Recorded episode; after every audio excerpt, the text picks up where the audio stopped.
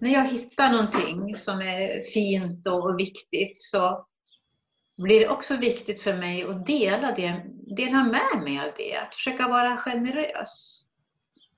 Och jag känner inte så många, många här runt mig som, som liksom lever i min livssituation. Och då är det väl jättehäftigt att vi kan göra det här och sprida det. Jag menar, det kan sitta någon uppe i Kiruna som behöver höra det här och det är väl jättehäftigt om vi kan ge det. För det är så märkligt tycker jag med livet att vi är ju så olika vi tre, eller vi fyra. Och så är det ju så mycket grundläggande behov som, som vi har gemensamt. Vi lever i så olika situationer och olika platser, men någonstans grunden den, den är gemensam för oss. Våra grundläggande behov. Och, och det är så fint att få visa på det.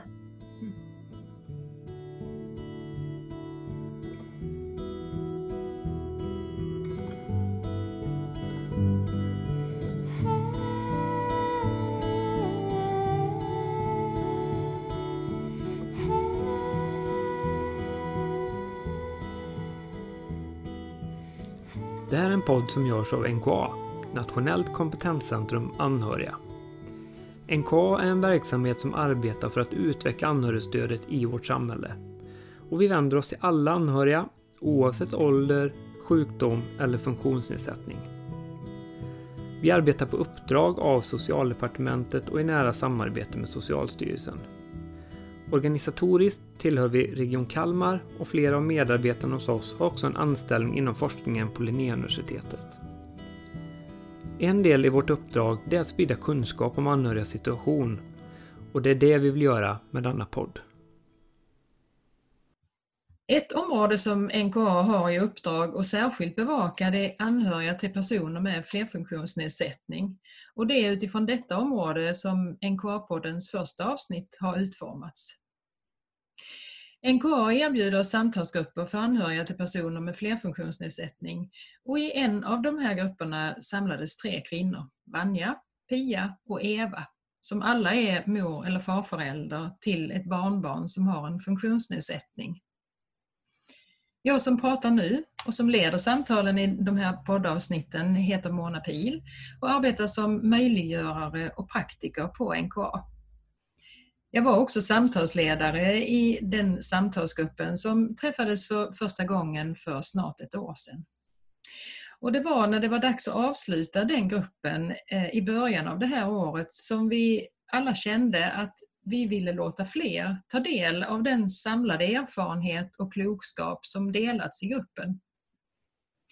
Kanske är det någon av er som lyssnar nu som känner igen er i det som berättas eller kan ta vara på erfarenheter som Pia, Vanja och Eva delar med sig av och sätta in det i det sammanhang som just du befinner dig i. Vi hade planerat att sammanstråla och för första gången få lov att träffas rent fysiskt och spela in den här podden. Men den planen var vi ju tvungna till att ändra på med anledning av Corona.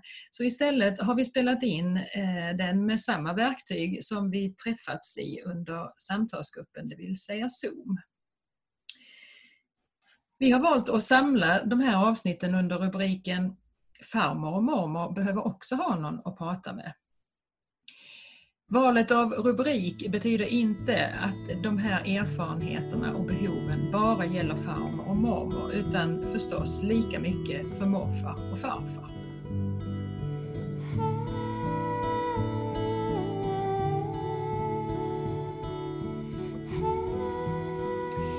Ja, men då sitter vi ju här, eh, mor och farföräldrar i den här eh, samtalsgruppen och de som lyssnar vill ju, ju förstås veta vilka är vi då? då? Eh, vi är fyra stycken som sitter och pratar med varandra här. Eh, vill du börja Vanja med att berätta vem, vem är du? Ja, jag heter Vanja och jag är en 70 plus farmor till fyra underbara barnbarn. Tre tjejer och en pojke. Och 2011 föddes Martin som konstaterades med både diagnosen NF1 och Nonans syndrom. Och det är därför jag är med här idag, för att berätta lite om det och hur jag känner det. Ja. Okej, så det är du Vanja. Vi ska ju få höra mer om, av dig och om hur du har det förstås. Men först för att alla som lyssnar ska få, få en liten bild av var och en av oss så, eh, så räcker det så tills vidare Vanja. Eh, du är också med Eva. Vem är du? Mm. Ja, jag är 59 år och jag jobbar som dietist inom barn och ungdomskliniken framförallt. Och jag är både farmor och mormor. Eh, farmor till Milo som är sju år och Telma som är tre år.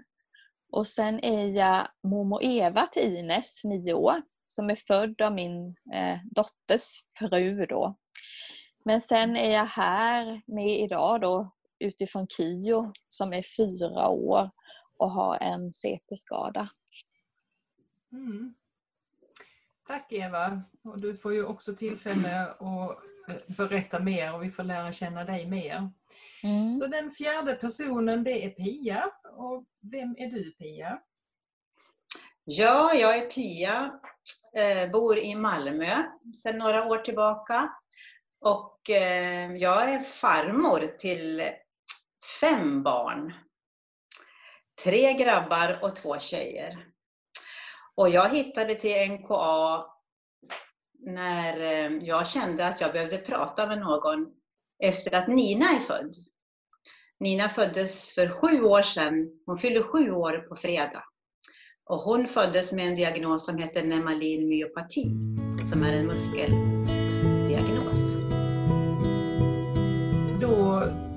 tyckte vi att det var en bra början och, och, att ni också får berätta lite hur var det så i, när ert barnbarn föddes och då är det ju nu, vet att alla era barnbarn är förstås lika viktiga men just i det här sammanhanget så är det ju ett barnbarn med funktionsnedsättning som vi fokuserar lite extra på.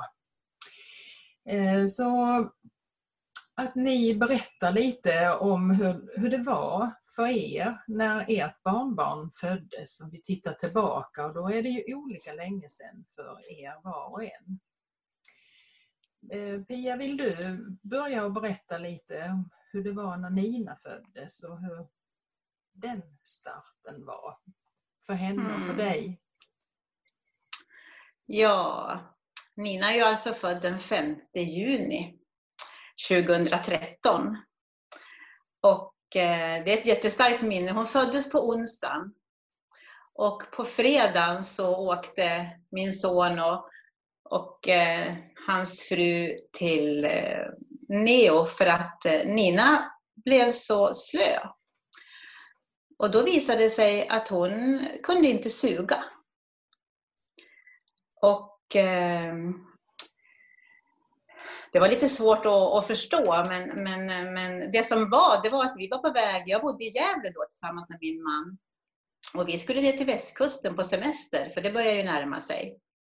Så mm. på midsommardagen satte vi oss i bilen och åkte ner. Och då kunde vi inte åka till vår stuga som vi hade hyrt, utan vi åkte ner till Malmö naturligtvis. Mm. Och eh, fick gå till sjukhuset. Och eh, där blev vi kvar några dagar, men sedan så kände vi att nej, men vi, vi åker till vår stuga med våra kompisar. Och sen åkte vi tillbaks till, till Malmö och fortsatte semestern där och servade eh, Nina och hennes familj med, med när man är på sjukhuset länge behöver man ha mat och man behöver ha sällskap och man behöver ha omsorg. Så vi var där mm. innan vi behövde åka tillbaka till Gävle igen och, och jobba. Mm. Ehm, sen så var Nina kvar på, på Neo. Jag kan inte komma ihåg hur länge, men, men i september i alla fall så bestämde de att de ville komma upp till Gävle till oss. Ninas pappa har sin, sin bror och sin, sin pappa där och de ville komma upp och, och visa, upp, visa Nina och, och möta sin, sina familjer. Och eh, då blev Nina, Nina kräktes ganska mycket när hon var liten och eh, då kräktes hon och eh, slutade andas när hon var hemma hos oss i vår lägenhet och blev blå och det blev jättedramatiskt. Mm. Tobias då, Ninas pappa, han, han vände upp och ner på henne och dunkade henne i, i ryggen och, och hon började andas men de fick åka ambulans upp till sjukhuset och resten av resan var de där på sjukhuset. Och då förstod vi väl ännu mer att det här var någonting som var allvarligt. Eh, sen i november, så det är ändå ganska kort tid, så fick Nina sin eh, diagnos. Man tog ett prov på hennes lår. Och det visade sig att hon har en genetisk eh, funktionsvariation som heter nemalin myopati. Och eh, vid det tillfället när de fick den diagnosen så har föräldrarna berättat att Ninas moster var med. Hon var nära familjen också och hon var med vid det samtalet. Och då sa föräldrarna att, att om inte hon hade varit där och skrivit upp allt som sades så hade de inte kommit ihåg någonting av det som, som sades. För det var, en, det var verkligen ett trauma. Mm. Mm. Och sen genom, genom åren så, så har vi varit mycket här Nina har varit akut på sjukhuset vid ganska många tillfällen när hon var lite yngre. Så att, mm, jag vet inte om jag samtidigt ska berätta lite grann om vad nemalin-myopati är för någonting. Det kan väl vara jättebra att göra mm. det. Du har mm. mm. möjlighet att beskriva det lite. Mm. Absolut. Då visade det sig så här när man tog det här provet på Ninas lår, att, och på hennes föräldrar också, att båda föräldrarna har alltså genetiska förutsättningar för den här sjukdomen. Ingen av dem har, har utvecklat den, men som sagt, Nina gjorde det. Och det innebär att hon, att hon är muskelsvag. Hon, hon äter genom sin knapp på magen.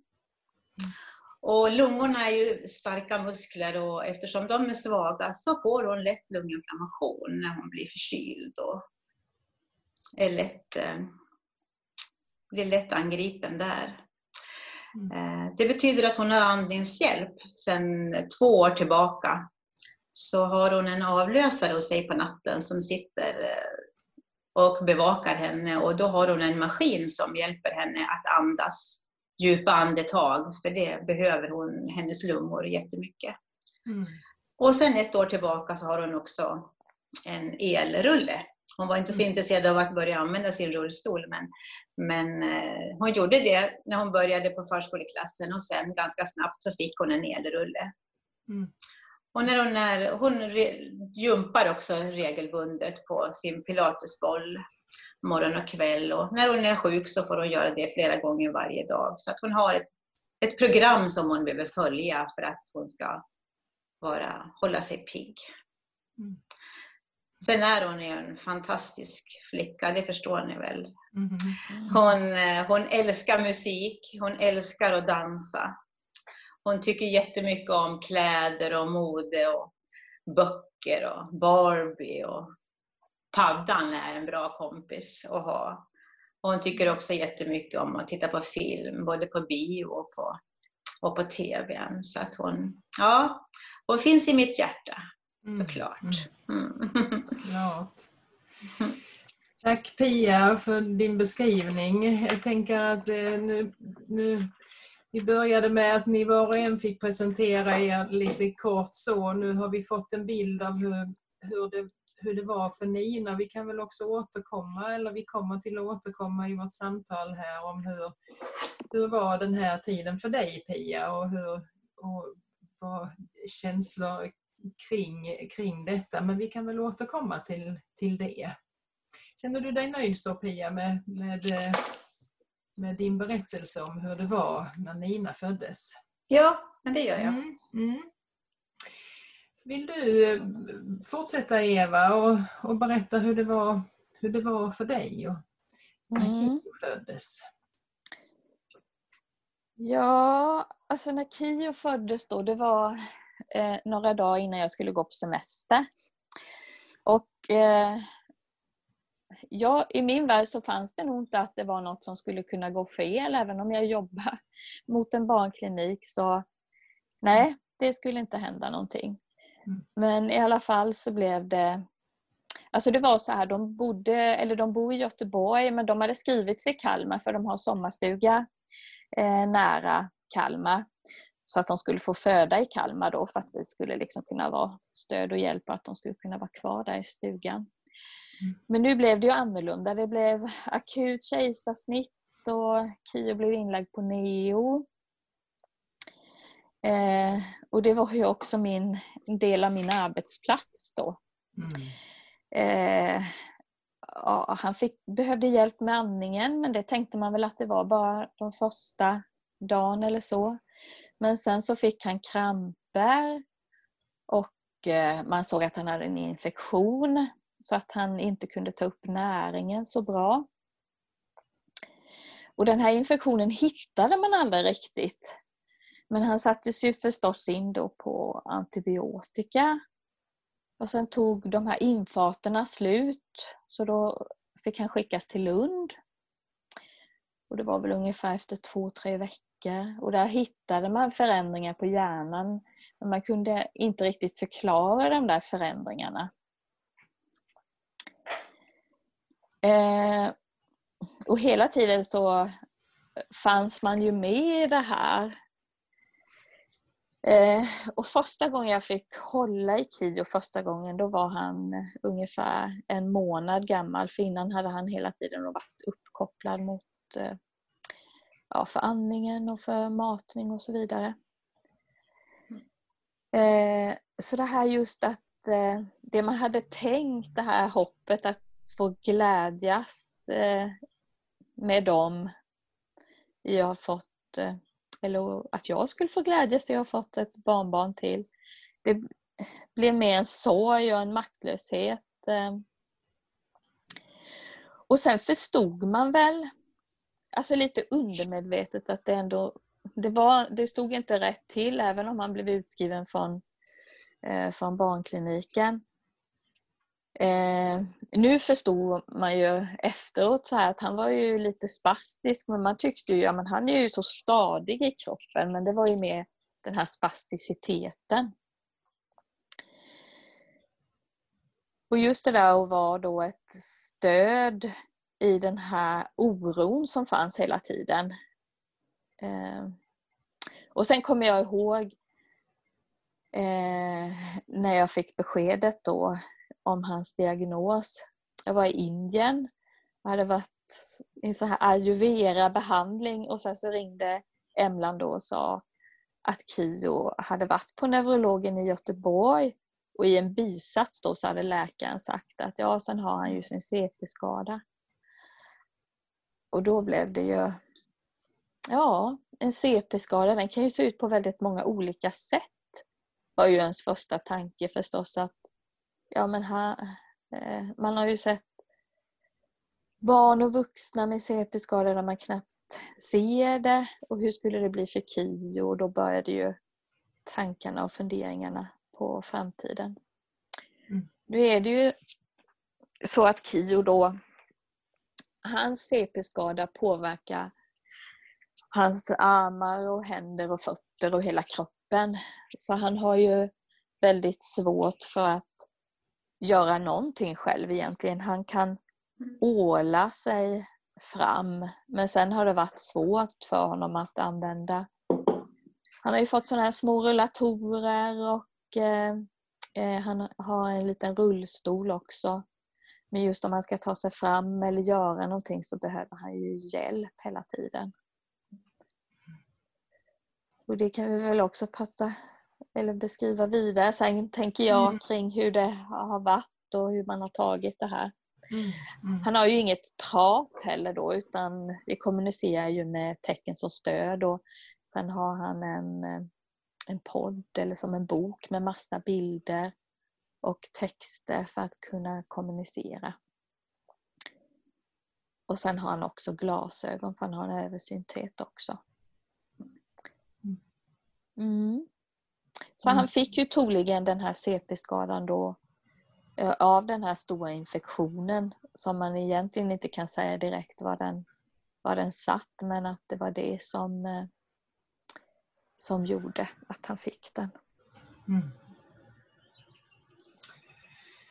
Så era båda berättelser, och vi ska ju alldeles snart höra på Vanjas berättelse också, men de har ju sett lite olika ut och dramatiken i just i det, för Kios del så var det en annan dramatik redan precis direkt och för Nina var det, kom de krissituationen lite senare. Eh, så att eh, det skiljer sig förstås. Det är olika individer. Mm. Och, men vi vet ju också att det, när vi, vi har lärt känna varandra att det är upplevelserna som ni har kring det här, de är ju också eh, i många stycken lika och olika. För det kommer vi säkert att komma tillbaka till. Tack Eva. Känner, känner du dig nöjd med, med det så, så här länge? Så här långt? Ja, Mm. Tack. Då Vanja, eh, vet jag att du har också ytterligare då en, en tredje berättelse eh, om hur det har varit för dig när ditt barnbarn föddes. Ja, ja, när Martin skulle födas, det var en väldig oro. För Martins pappa har neurofibromatos typ NF1. Och då är 50 procent att eh, barnet får den, den sjukdomen. Så där var vi oroliga för hela tiden sen vi fick reda på att de skulle få ett barn till. Eh, och Martin föddes 2011 med konstaterad diagnos NF1 och även Nonans syndrom. Som är en ärftlig genetisk avvikelse som domineras av avvikande ansiktsdrag och medfött hjärtfel och kort, kortväxthet. Och i Sverige föds ungefär 40 till 100 barn per år med Nonans syndrom. Ehm, det har varit chockartat, chockartat för oss för de hade ju ett barn till som inte hade, ja, som skulle fylla ett år. Och eh, de, det har varit fokuserat på Martin och hans diagnos hela tiden och vad skulle hända med lilla Petra. Ehm, Och det är väl där våran historia också började för vi tog hand om Petra när hon var ett år och hon bor hos oss nu och fyller tio år nu till sommaren. Mm. Så det här har varit en, en resa samtidigt som vi har mycket kontakt med eh, våran son och hjälper dem i det mesta. Ehm, jag vet inte om jag ska fortsätta där eller jag kommer väl in sen på... Mm. Ja. För det, var, det, är, det är svårt att, alltså det var, det var, frukt, det var chockartat då när, när Martin föddes och allt det här hände och man tänkte hur ska det, hur ska det här bli? Och, för att eh, min son och eh, hans sambo har själv funktionsnedsättning och då är det ju inte, då är det väldigt svårt när man får eh, även ett barn då som har funktionsnedsättning. Mm. Mm. Allt som hör till. Mm. Så för er del var det också eh, direkt vid start, så att säga, eller direkt vid förlossningen menar jag, som, som det stod klart att, eh, att det var någonting som var annorlunda eh, och att det, att, det, att det skulle bli annorlunda. Det var tydligt från början för er, Vanja. Ja, och Martin såg, när han föddes, han såg ju annorlunda ut. Mm. Han hade ena sidan, halva ansiktet var platt på honom. Mm. Och um, det var mycket som inte stämde. Han kunde inte, kunde inte äta så han fick ju en sond med samma. Eh, så han skulle få maten igenom. Mm. Ehm, och han, ehm, idag är han, ja, han ska ju fylla nio år till sommaren. Och han kan fortfarande inte äta, han har en knapp på magen. Han Mm. kan inte prata utan eh, har hjälp med stöd och tecken. Då. Han går i särskola. Han kan gå hjälpligt men han eh, sitter i rullstol. Mm. Han är väldigt kräkbenägen så när han var, var liten bebis då kunde han kräkas upp till 16 gånger på en dag. Det var svårt att, för honom att gå upp i vikt och få behålla maten. Mm. Um, och det var mycket sjukhusbesök så det här var ju en resa som, ja, som vi inte hade räknat med skulle. Mm. Precis. Jag tänker eh, just det där som, som du beskriver med eh, nu, nu, berättade du ju också att det fanns en, ni hade en viss oro för hur det skulle gå med tanke på att din son och, och, och, och hans sambo, jag tror det är sambo, har också funktionsnedsättningar och hur, hur, det, hur situationen skulle bli för dem och att de också hade ett barn mm. sedan tidigare och så. Men eh, förväntningarna att det skulle, att det skulle bli eh, som det blev för Martin eh, med den, de, de funktionsnedsättningar som han har, det, det var inte det ni hade förväntat. Nej, var det verkligen. Och att det, du beskriver den här eh, chock, chocken som, som det blev. Eh, du, kan du berätta, beskriva någonting mer kring, kommer du, nu är det nio år sedan, men jag gissar att känslor kring de här, så här avgörande saker, de sitter kvar eh, också ganska länge.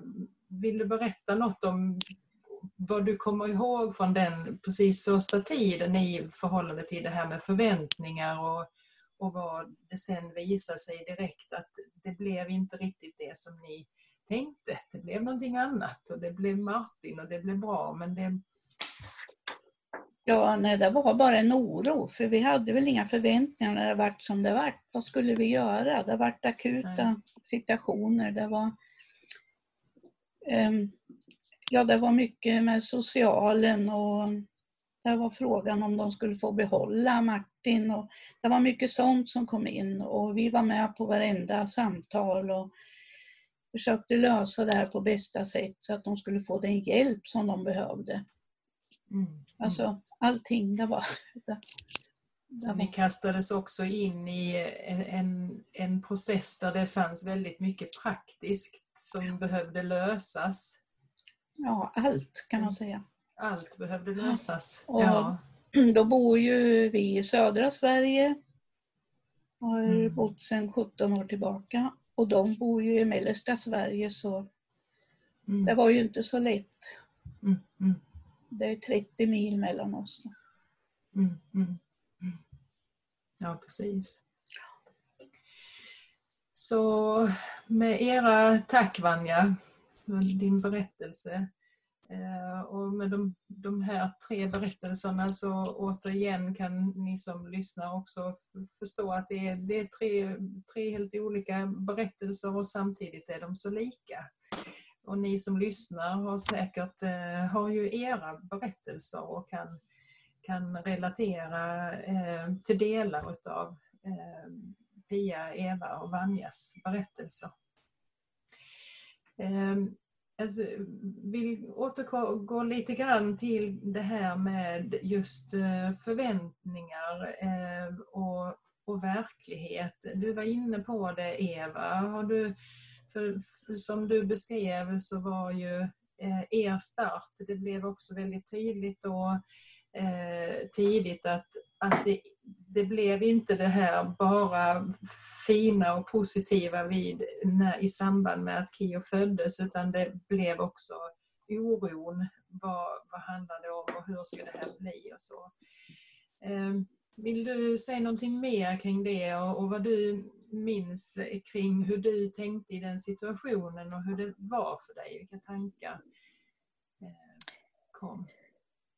Ja, alltså jag tänker de där förväntningarna som man tänker att det ska vara glädje och, och, och ja, att det ska vara friskt.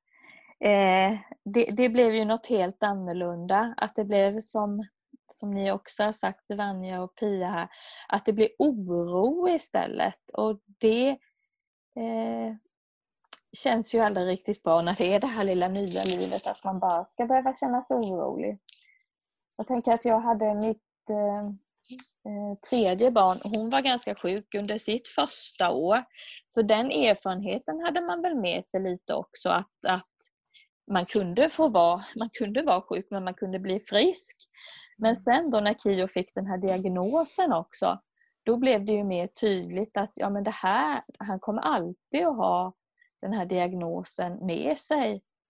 Sen så levde man ju mycket på hoppet om att eh, eh ja, men har man en CP-skada så, så ja, man, han, han kommer att kunna gå, han kommer att kunna göra det.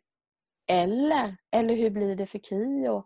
Att det, det var väldigt svårt att och det är ju väldigt svårt fortfarande förstås att se in i framtiden hur det ska bli att leva med den där ovissheten. Mm. Eh, och jag tänker också att det, att vi lite kanske är vana vid också att eh, sjukvården ska kunna fixa till det. Och att det också kan att det också blir lite jobbigt när man märker att ja, men det går faktiskt inte att fixa till allting utan ja, men nu är det mitt barnbarn som har en, en funktionsnedsättning, en sjukdom som man inte kan fixa till helt och fullt. Mm. Mm. Eh, sen, sen, så ger ju Kio så mycket glädje. Han är alltid glad. Eh, ja, men han gillar olika saker. Just nu gillar han kater. Eh, och titta och man peka om man har varit där. Eh, tidigare har det varit kokböcker och sen har han varit besatt av spårvagnar. Så det ger ju så mycket glädje samtidigt så det är ju det man vill lyfta fram också att nu kanske man låter lite ja, att det är någon slags hopplöshetskänsla. Så är det ju inte alls. Men, men jag tänker att, att man, man pendlar eller jag har pendlat mellan det, just det där lite hopplöshet och hoppet och sen all den glädjen som Kio har gett. Och att jag har fått lära mig en massa nya saker också som det här med tecken som stöd till exempel. Mm. mm. Eh, som man hade kommit lite i kontakt med i sitt jobb men som man nu har blivit utmanad i att eh, behöva lära sig. Mm. Mm. Så det, ja, det för med sig mycket gott också. Men i början var det ju väldigt eh, tufft måste jag säga. Mm, mm. Och jag tänker, det är jättefint att du tar upp det Eva och det kan jag ju som har lyssnat på under, när vi har träffats under samtalsgrupperna att det verkligen är så att eh, ni har delat med er både utav, nu pratar vi om tunga saker och vi pratar om början med all den oro som ni kände och, och fortfarande tror jag också till viss del känner, men att ni också har, har på ett väldigt eh, tydligt och, och, bra sätt beskrivit och också vad, den glädje som finns. Eh, så att det är ju båda delar, så det är fint att du lyfter fram det Eva. Ehm, och, och det andra jag tänkte också att det, det här med eh, att det händer inte mig, den känslan kan vi väl alla Eh, också identifiera oss med. Du, och du beskrev också inledningsvis att trots att du arbetar på en barnklinik och, och eh, träffar barn eh, som har bekymmer av olika slag så, så var du ju Eh, rent intellektuellt hade du förstås kunskap om att, eh, att barn föds med olika förutsättningar. Eh, men att det skulle hända ditt barn och barnbarn, det, det tar man ju inte in. Och det är väl, jag vet inte hur, det, ja, det är ju så det är. Eh, Pia, din historia med Nina, ehm, eh, eller Ninas historia, eh, den skiljer ju sig då lite grann eh, just vad gäller början, även om det det också tidigt fanns signaler om att, eh, att det var någonting som var bekymmersamt. Eh, hur, vad tänker du kring, kring det här med förväntningar och, och hur det blev? Och när, liksom, när tror du att du förstod att det här, att det här eh, eh kommer att vara någonting som kvarstår och, och så? Dina hur du minns att du tänkte kring det. Mm. Ja, alltså jag... Jag har nog haft lite svårt, tror jag, att, eh, att förstå. Eh, min oro har ju varit väldigt stark och jag tror att det är det som är den, den starkaste känslan genom åren, men att jag har kunnat hålla den ifrån mig.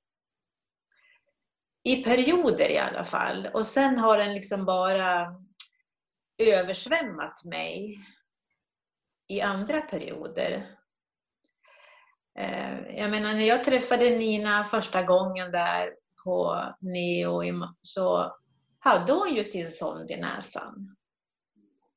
Men jag, ja, jag reagerar nog inte så mycket på det utan det, jag tror också att jag hade stort förtroende så för att hon var på rätt ställe när hon var där på sjukhuset. Och att hon skulle få, få den hjälp hon behövde. Och det fick hon ju också.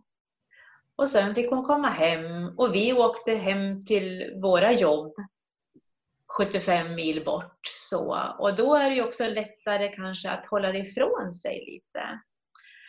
Men eh,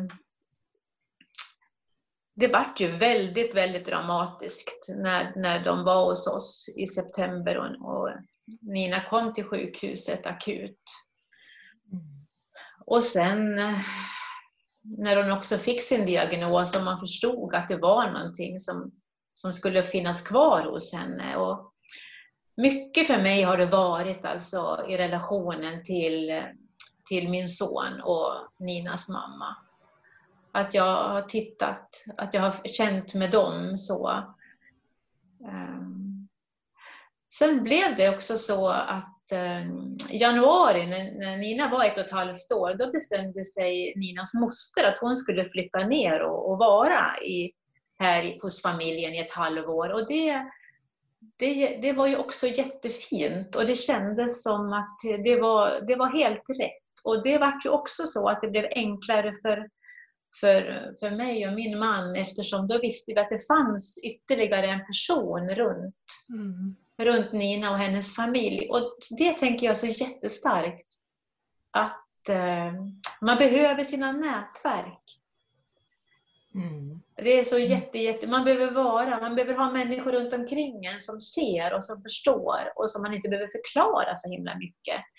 Och då känner jag den rollen har nog varit viktig för mig. Mm. Sen har ju jag, alltså jag har ju fyra, fyra barnbarn och det femte barnbarnet föddes i oktober förra året. Och det är min mans son som vi blev, jag blev farmor till henne, hans lilla flicka. Och jag kan nog känna att det är först nu som jag tänker när jag ser på henne, så tänker jag, jag undrar vem du ska bli.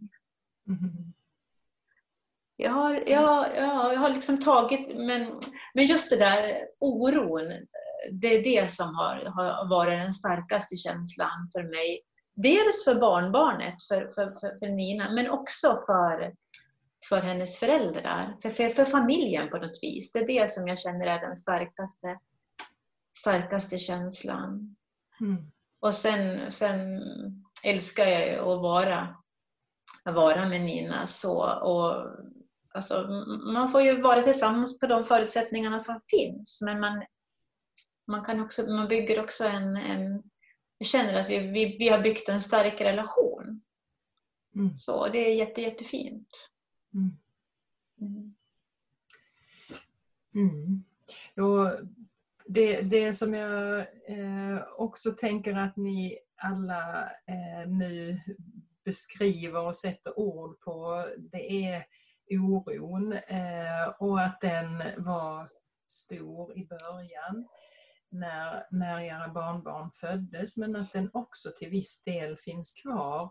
Och jag vet att vi har också pratat eh, mycket om det här med, att, eh, med framtiden och hur mycket eh, kan man titta in i framtiden, man vill gärna veta men det är också väldigt svårt att tänka för långt framåt. Och, och, att ni, eh, uppfattar jag, tillsammans landar i att, eh, och, och, och, och också en kunskap som ni har fått under de här åren, eh, att också verkligen ta vara på hur är det nu? Vad, är, vad finns det i, eller allt det som finns idag som jag har att glädjas åt, både vad gäller barnbarnet förstås men, men i övrigt. Att, eh, det är min uppfattning när ni har pratat att ni har blivit väldigt bra på att ta vara på här och nu. Eh, ni får gärna protestera om ni inte känner igen er i det eller eh, Håller ni med mig i den beskrivningen? Ja, Eva vill eh, säga något om det.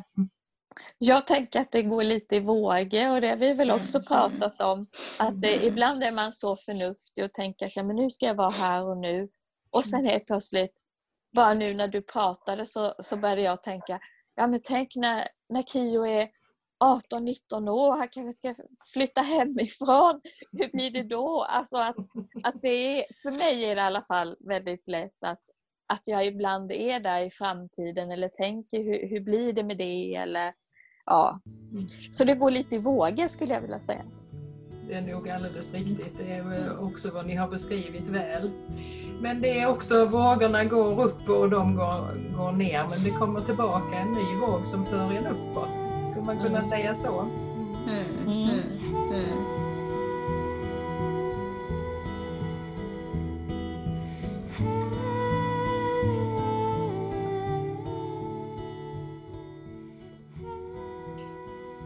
Podden har spelats in med hjälp av producent Paul Svensson och musiken i podden är skriven och framförd av Eva Lindsjö Lindell.